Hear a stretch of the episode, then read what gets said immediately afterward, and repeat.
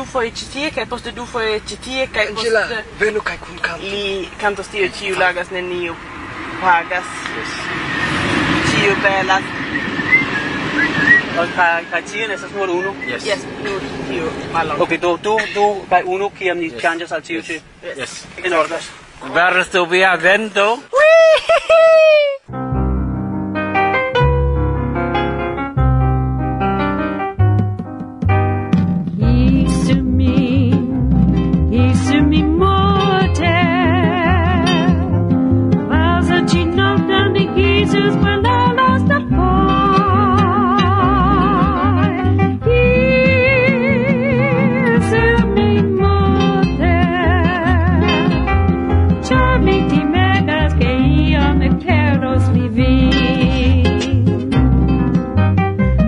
vi vincere io pure d'un lato te vivo e mia desir. Den zu gerla ja morgen mi povus e giri te vor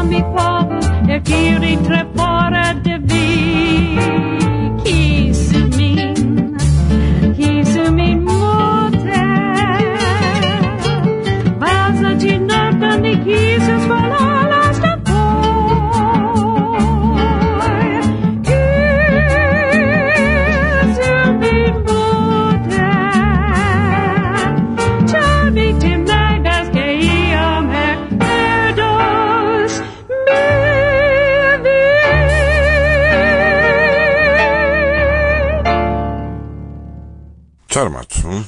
Alberta Casley el usono codo de la naudeka jaroj ŝajne ne multaj el intervi aŭdis. Saluton post la somero, kiu en la meza parto de Eŭropo pasis jam bedaŭrinde. Salutojn de Irek kaj Martusia, kiu ankaŭ deĵoras hodiaŭ en la redakcio. Por tiuj, kiuj loĝas ekster la malnova kontinento kaj neniam ĉi espertis finon de la somero, necesas klarigo. Gis fino de augusto estis bele, varme, kiel en Brazilo. Nun, hodiaŭ kvankam bele sunas, ekster la fenestro nur dektri gradoj de Celsius. Dektri gradoj imagu. Kaj tio, karaj, estas nur komenco. Baldaŭ fariĝos ĉi tie ankoraŭ pli malvarme.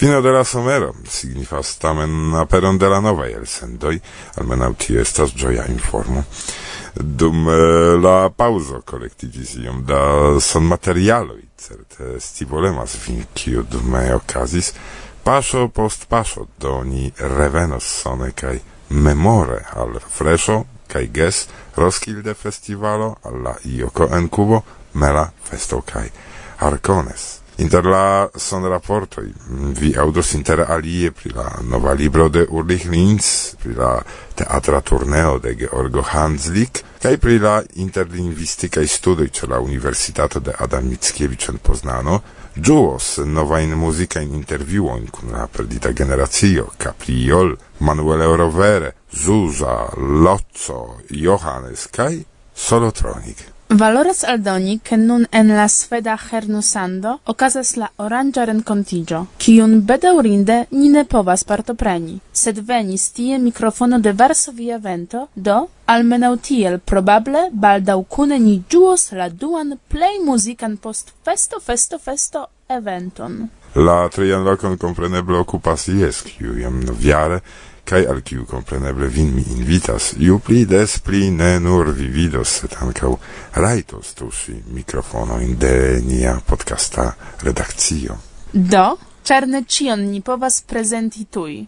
Kion ni elektis por la hodiaŭa programo?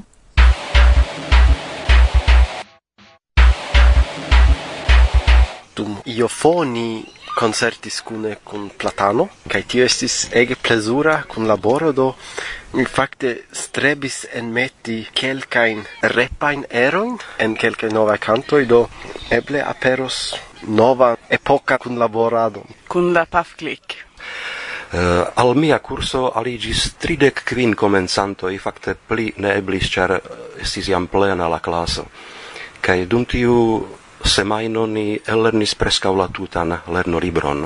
Ŝuĝe oĵo lopke veĝe kaŝinĝe, eptuhada peptuhada purama, sannagura sannagura stujumba, menŝintezin juradada pepsanam. Ĉeboksario esas la ĉef urbo de Ĉuvaŝio. En Ĉuvaŝio homoj parolas kai la rusan kai la chuvashan lingvon? Kai la chuvasha lingvo es turka lingvo. Kio ne es komprenebla por la rusoj. Kai um, tiu lingva festivalo mi pensas estas bona ideo anka por um, disvastigi la la ĉuvaŝan lingvon. Do, fakte ni havas iun netre bonan situacion nuntempe en Hungario, char estas multaj homoj kiuj lernas Esperanton pro la lingva ekzameno, sed ili ne eniras la movadon pro calcae cialoi.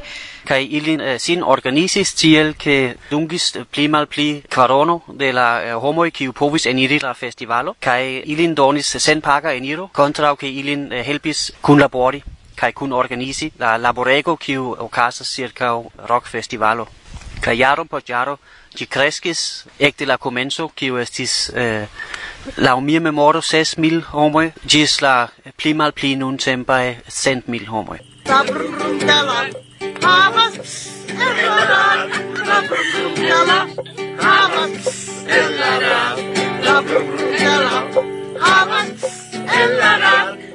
faru ĝin perpetu de manku.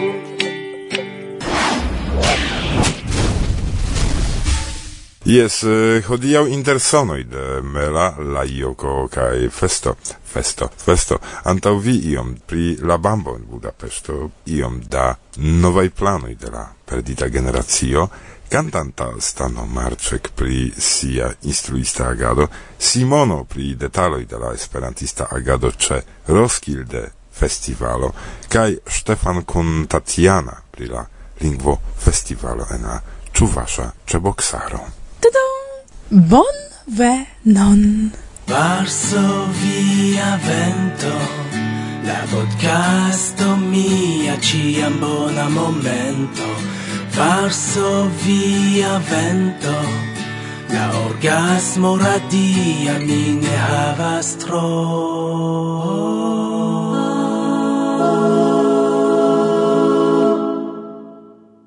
Monsieur Ravani, Monsieur Ravani. Ci vi povas komenci kiel vi ŝatas la feston? Kaj kiel vi trovas la organistamon? Kaj la manĝon? Kaj la prunon? La ĵurnaliston? Kaj ĵurnalistinon? Oh. oh, oh. la auto de la ĉefo havas truon en la rad. La auto de la ĉefo havas truon en la rad. La auto de la ĉefo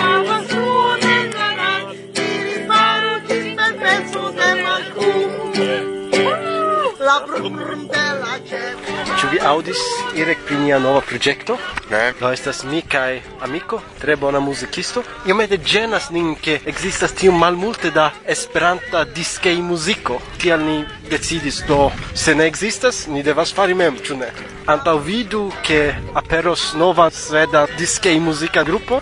Ni jam kreis kelkajn kantojn Fakte ni serĉas kantiston, prefere inan, ĉar nun estas mia amiko kiu verkas la muzikon kaj mi la tekstojn. E kaj do mi pensas ke triopo estus bone por disko muziko. Kiam oni povas eh, atingi la unuajn rezultojn? Ah, espereble venontjare unue ni devos venki la svedan baloton kaj poste ni povus koncentriĝi je Esperanta diskej muziko. Eterne rima atendu rivaligadon.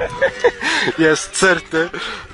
La prudenta generacio ne, ni ancora ne havas nomon. Certe, certe baldaŭ.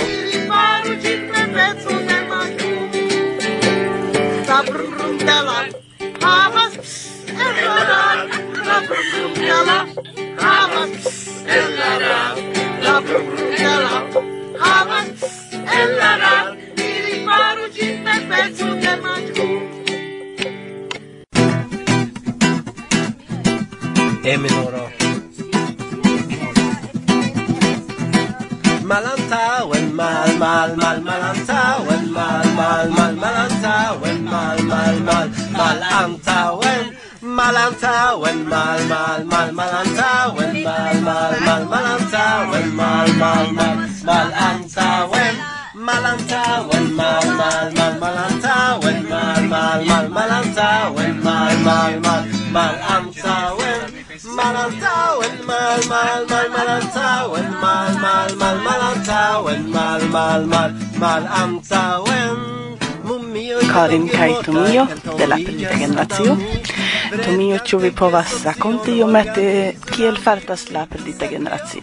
Nu, ci faltas mult flanque. Char ni havis pluran concertoin pasintiare, sed ecte Kef en Danio pasint somere ni ne havis grandan comunan concerton. Diversai homoi concertumis divers loce, exemple dum Orangia Rencontigio en Hernosando, en Flaster Spectacle en Linz, che estas io Strat Music Festivalo, ni concertis en Italio, dum Iofo kai ankau citie en Mela kai estas neniu homo kiu ĉestis ĉiuj koncertoj sed ĉiam estis perdit generazio etoso. Mi audis ke aliĝis novaj homoj al la bando, ĉu? Eh, ankaŭ mi tion. Do antaŭe la centro de la generacio estis en Hernosando en norda Svedio, sed ŝajne kreskis nova centro en suda Svedio homoj tie aligis en la bando, faris plurajn koncertojn fakte. Ĉu estas eh, iuj planoj fari koncertojn eh, dum la aŭtuno ekzemple? Ni ludos dum oranĝa renkontiĝo unua ĝis tria de oktobro en Hermosando, eh, sed krom tiu mi ne scias. Ni kreis multajn novajn kantojn, al ni allogus fari Esperanton kodon, do per tiu mi celas eble registri ie en la mondo krom en Svedio, kune kun aliaj esperantistoj eble. Dum iofoni concertis cune con Platano, cae tio estis ege plesura con laboro, do mi facte strebis en meti quelcain repain eroin en quelcae nova cantoi, do eble aperos nova epoca con laborado. Con la paf click. Ne plu existas, do eble kun partlichero. Exemple, ni multe fieras je la rimo fek al ci momento, fek al Varsovia vento. Do la perdita generazio ankaŭ koncertis hieraŭ en la Ŝlimo, ĉu ne? Ĉu estis la koncerto de viaj ŝlimaj revoj? Jes, certe, laŭ mia scio, en la dudekjara historio de Mela, neniam okazis en Ŝliman koncerton antaŭe, do ni GT concertumis kai presentis tutte novan melan canton la etoso estis tre ege slima bonege kai daure remarkigas sur gitare Simono! Ne bezonas vin! Ne stari ĉi tie. Ĉu vi pretas kanti? Yeah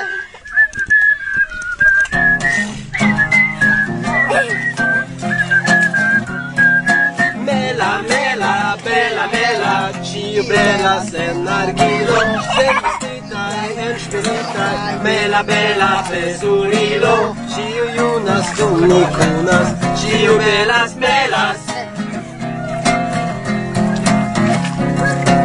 En Chicago, mez Europa, stas arancio, jen utopa, mela, mela, bela, mela, bela sen argilo sen diviga amba uigo mela bela resurilo cio iunas gimnicunas cio belas melas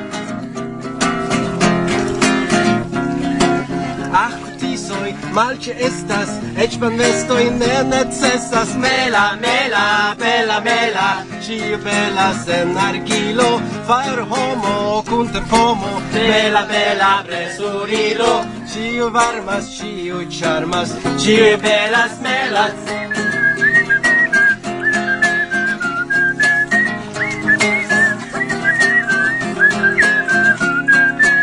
Ciu lagas, neniu pagas, ciu belas melas Foie pluvas, sed dam dauros festo. Ancao en la tenne nepras vesto. Ciu finis con omaro, nua ligiu al malbaro Nia nura declaro, bon frenesa disonado Mela, mela, bela, mela, mela bella senarkilo Shlime, shlime, ekselime Mela bella plesurilo Ciu junas, gumi tunas Ciu belas, belas, bella, bella, bella Ciu belas senarkilo Sen vestitae, en smirita, Bella, bella plesurilo Ciu varmas, ciu charmas Ciu belas, melas Woo!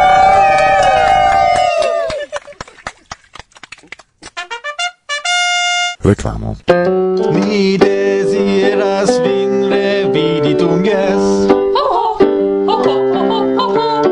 Jes vi venu nepre, nepre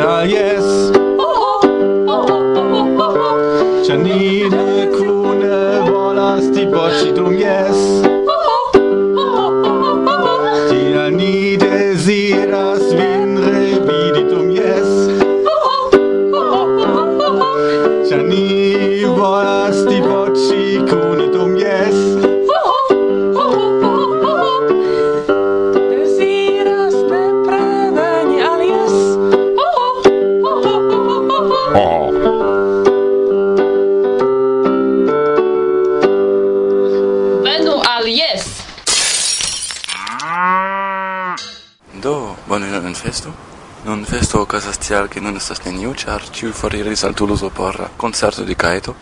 Hodiaŭ estas lasta tago kaj ĉi vespero okazas la internacia vespero. Kaj kompreneble ĉiu homoj ĝuas feston, la homoj ŝatas ke estas tendoj por loĝi, tendoj por kuiri, tendoj por feki, tendoj por... Kio okazis al mia mano? A mia mano vundiĝis kiam mi delis de luita biciklo estas sep kundropuntoj, do mi ne povas ludi gitaron nek violonon, sed almenaŭ mi povas kanti, bedaŭrinde por aliaj. Ĉikaze mi ne venis por fiki. Ĉu vi sukcesis ne fiki?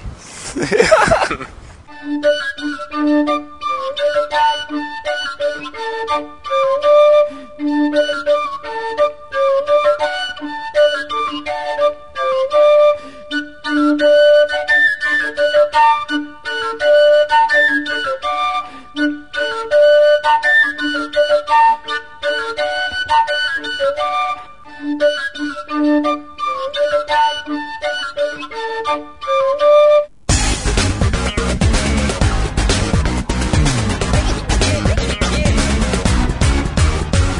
Varsovia vento. Bla bla bla. Saluton. Stano Marček. El Slovakio.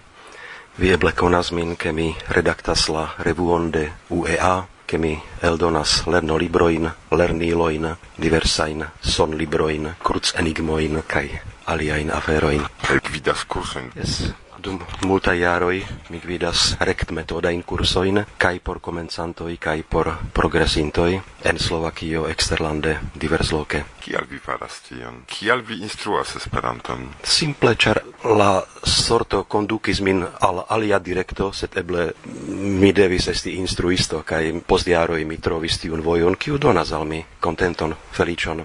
Mi ŝatas la instruadon. Ĉiuj knaboj kaj knabinoj amas sin Nur neniu junuleto amas min, Ciui knaboj kaj knabinoj amas sin.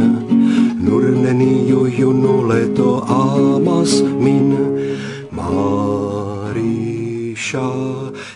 Kiam mi komencis, au kiam mi decidis gvidi kurson de Esperanto, mi serĉis unue taŭgajn lerniloin en tiama Ĉeĥoslovakio. Sed ĉar mi ne trovis taŭgajn, mi decidis kompili propran materialon. Unue mi komencis studi metodikon de fremdlingva instruado, psikologion de instruado, kaj mi venis al la konvinko, ke la plej efika metodo estas tiu metodo per kiu nin nia patrino instruis nian gepatran lingvon. Fakte ni venis al tiu ci mondo kun pura tabulo kaj nia patrino estis la plej mirinda instruisto de la mondo kiu instruis al ni lingvon sen gramatiko komplika, sen reguloj, sen tradukado. Tradukado estas aparta afero menciinda. Vi eble scias, ke Ciu lingvo havas en nia cerbo apartan centron. Se vi comenzas lerni novan lingvon, creigas quasau nova turdisco en via capo. Kai se vi shaltas el unu lingva centro al alia lingva centro, tio estas io ne natura, kai io tre laciga. Vi scias, ke interpretistoi tradukistoi en la cabinoi eltenas duon horon simultane traduki, kai poste ili estas ege lacai. Do estas konfirmo, ke la traduka metodo estas tre malfacila laciga metodo. Kissumina, sen peto al patrina, si juna same faris, brikisoj ne avaris. Marisha, kissumina, sen peto al patrina, si juna same faris, brikisoj ne avaris. Mi verkis lerno libron de Esperanto por komencantoj kaj se finiĝas la kurso aŭ se la homo mem lernas el la libro kion plu pro tio mi verkis ankaŭ audovidan konversacian kurson de Esperanto, kiu lastatempe aperis sur dovododisko, kaj pro tio mi eldonas ankaŭ diversajn aliajn lernilojn, ekzemple kap rompiloin kiel krucenigmoj, voĉlegitajn librojn, voĉlegitajn fabelojn, kaj aliajn aferojn kiujn oni povas eh, uzi por plu kreski, por plu lerni. Vi mencis, ke vi partoprenis bet, beton en Litovio, kaj tie vi gvidis kurson. E, rakontu iomete pri bet kaj pri la kurso. La ciara bet okazis en Visaginas, en tre bela urbo en Litovio, kaj ĝi estis vere mirinda aranĝo.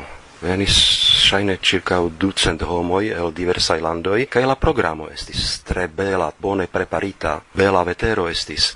Al mia curso aligis tridec quin comenzantoi, facte pli ne eblis, char eh, estis jam plena la classo. Cae dum tiu semaino ni ellernis prescau la tutan lernolibron per mia recta metodo ciam fine aparta afero kiun mi povlus mencii fine de instruado mi ciam klopodas iom liberigi la capoin de la lernantoi, mi prenas gitaron kaj mi instruas al ili belan kanton plurai pluraj kursanoj diversloke petis min pri disko do mi registris ancau diskon kun cantoi taugai por Esperanto cursoi. Tiu disco aperis en du versioi, La unua estas la klasika kompakta disko, kiun vi povas uzi eĉ en via automobilo.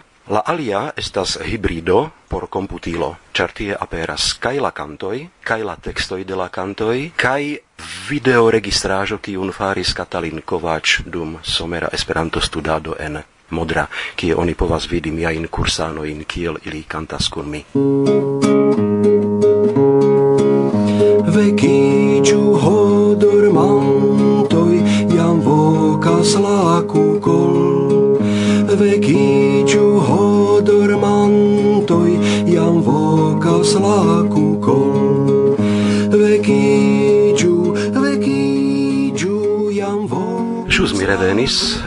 lasta universala congreso en Kubo, kie okazis diversai aferoi, inter aliai oni comencis diskuti ĉu mi plu redaktu aŭ ne redaktu la revuon. Mi havis tie renkontiĝon kun la legantoj kaj estis fakte plena salono da legantoj de la revuo Esperanto, kiui felice montris al mi simpation kai desiron ke mi plu faru la laboron. La aferoi evoluas, kaj doni vidu ciu mi plu estos redaktoro de nia revuo au ne. Cae la alia impresoi? La congreso, la lando, estas mirinda, admirinda, aminda. Neniam mi estis en Kubo, do miai travivaĵoj estas freŝaj kaj fortaj. Tiu insulo en si mem pro la geografia situo, pro la arkitekturo, pro la historio estas io vidinda. Mi forte rekomendas al ĉiu, kiu ankoraŭ ne estis en Kubo en Havano, viziti ĝin. La kongreso mem estis bone organizita en modela kongresejo, kiu estis kunigita kun la ĉefa hotelo do estis tute simple povi viziti la congreseon recte en la hotelo. La programo estis varia kiel ciu universala congreso, precipe la nacia vespero, la internacia vespero, la excursoi tre belai do eblus paroli horo in pri tiu ci congreso mi credas che multai visitintoi raportos pri ĝi. giu jam vokas la cucol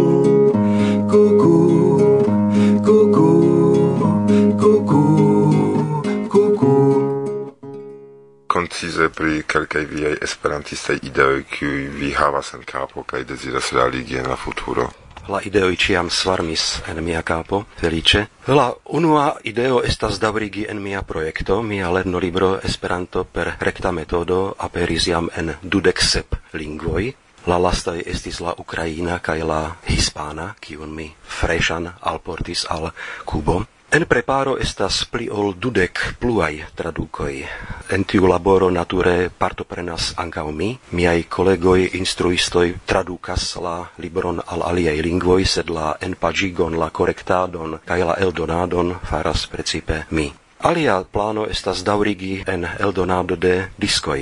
Ekzemple mi laŭdlegis kaj eldonis la du unuain volumojn de la fabeloj de Andersen. Restas laudlegi kai eldoni la cetera indu. Estas multai aliai libroi kiui valorus voclegi kai eldoni ilin. Exemple por niai nevidantoi estas por ili aparta graveco aceti tiain varoin, sed ne nur ili. Exemple, miai infanoi ciam, ciam ili estis junai etai, antau ol ekdormi auscultis fabeloin en la slovaca lingvo. Cial niai etuloi ne havu la saman eblecon ausculti fabeloin antau ol ekdormi, se la patro au la patrino mem ne havas tempon por legi la libroin. Do multai aliai ideoi svarmas en mia capo, mi credas che ni ancorau havos multon por babili en la estonteco.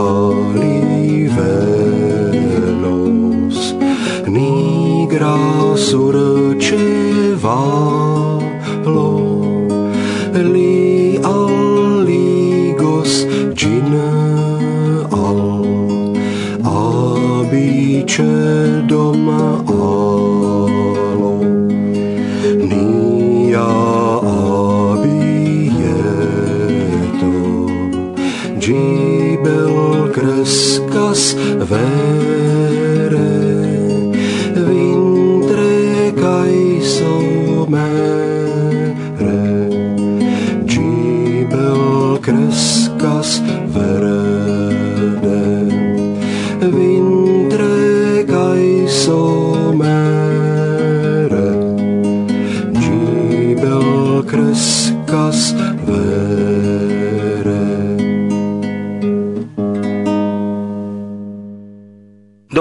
auscultantoi, elcoran saluton el nia giardeno en Slovakio, kie nun Irek gastas cun sia bando biciclanta, kai mi gioias je eble baldaua reaudo. Reklamo.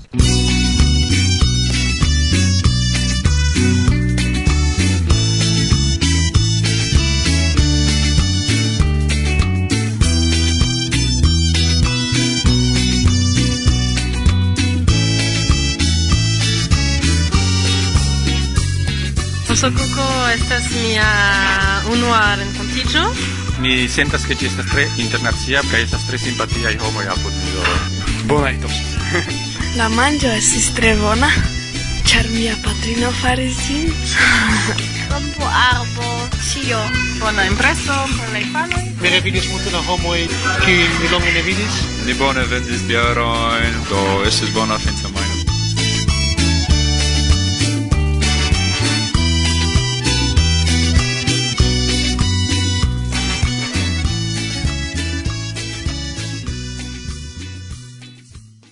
Sophia Wendt.